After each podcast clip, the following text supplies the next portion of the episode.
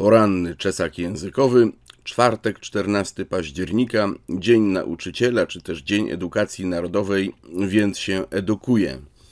Nazwy miejscowe, temat podsunął ojciec Adam Szustak, dominikanin, wędrowny kaznodzieja, przemierzający kraj i świat wzdłuż i wszerz, jeżdżący tam, gdzie go chcą słuchać. Jechał do Wigier, przejeżdżał koło Szczuczyna i taka go oto naszła refleksja. Kochani, miałem po drodze, nie pamiętam już dokładnie, w którym to było miejscu. Jak sobie zobaczycie na mapę między Warszawą a Suwałkami, to znajdziecie. Taką miejscowość, która nazywa się Szczuczyn. No dosyć trudna w ogóle nazwa, w sensie trudno ją y, uczyć na przykład obcokrajowców, nie? W Szczuczynie. Ale Szczuczyn mi się oczywiście kojarzy ze Szczuciem. Ależ wypalił. Szczuczyn pochodzi od nazwy osobowej szczuka.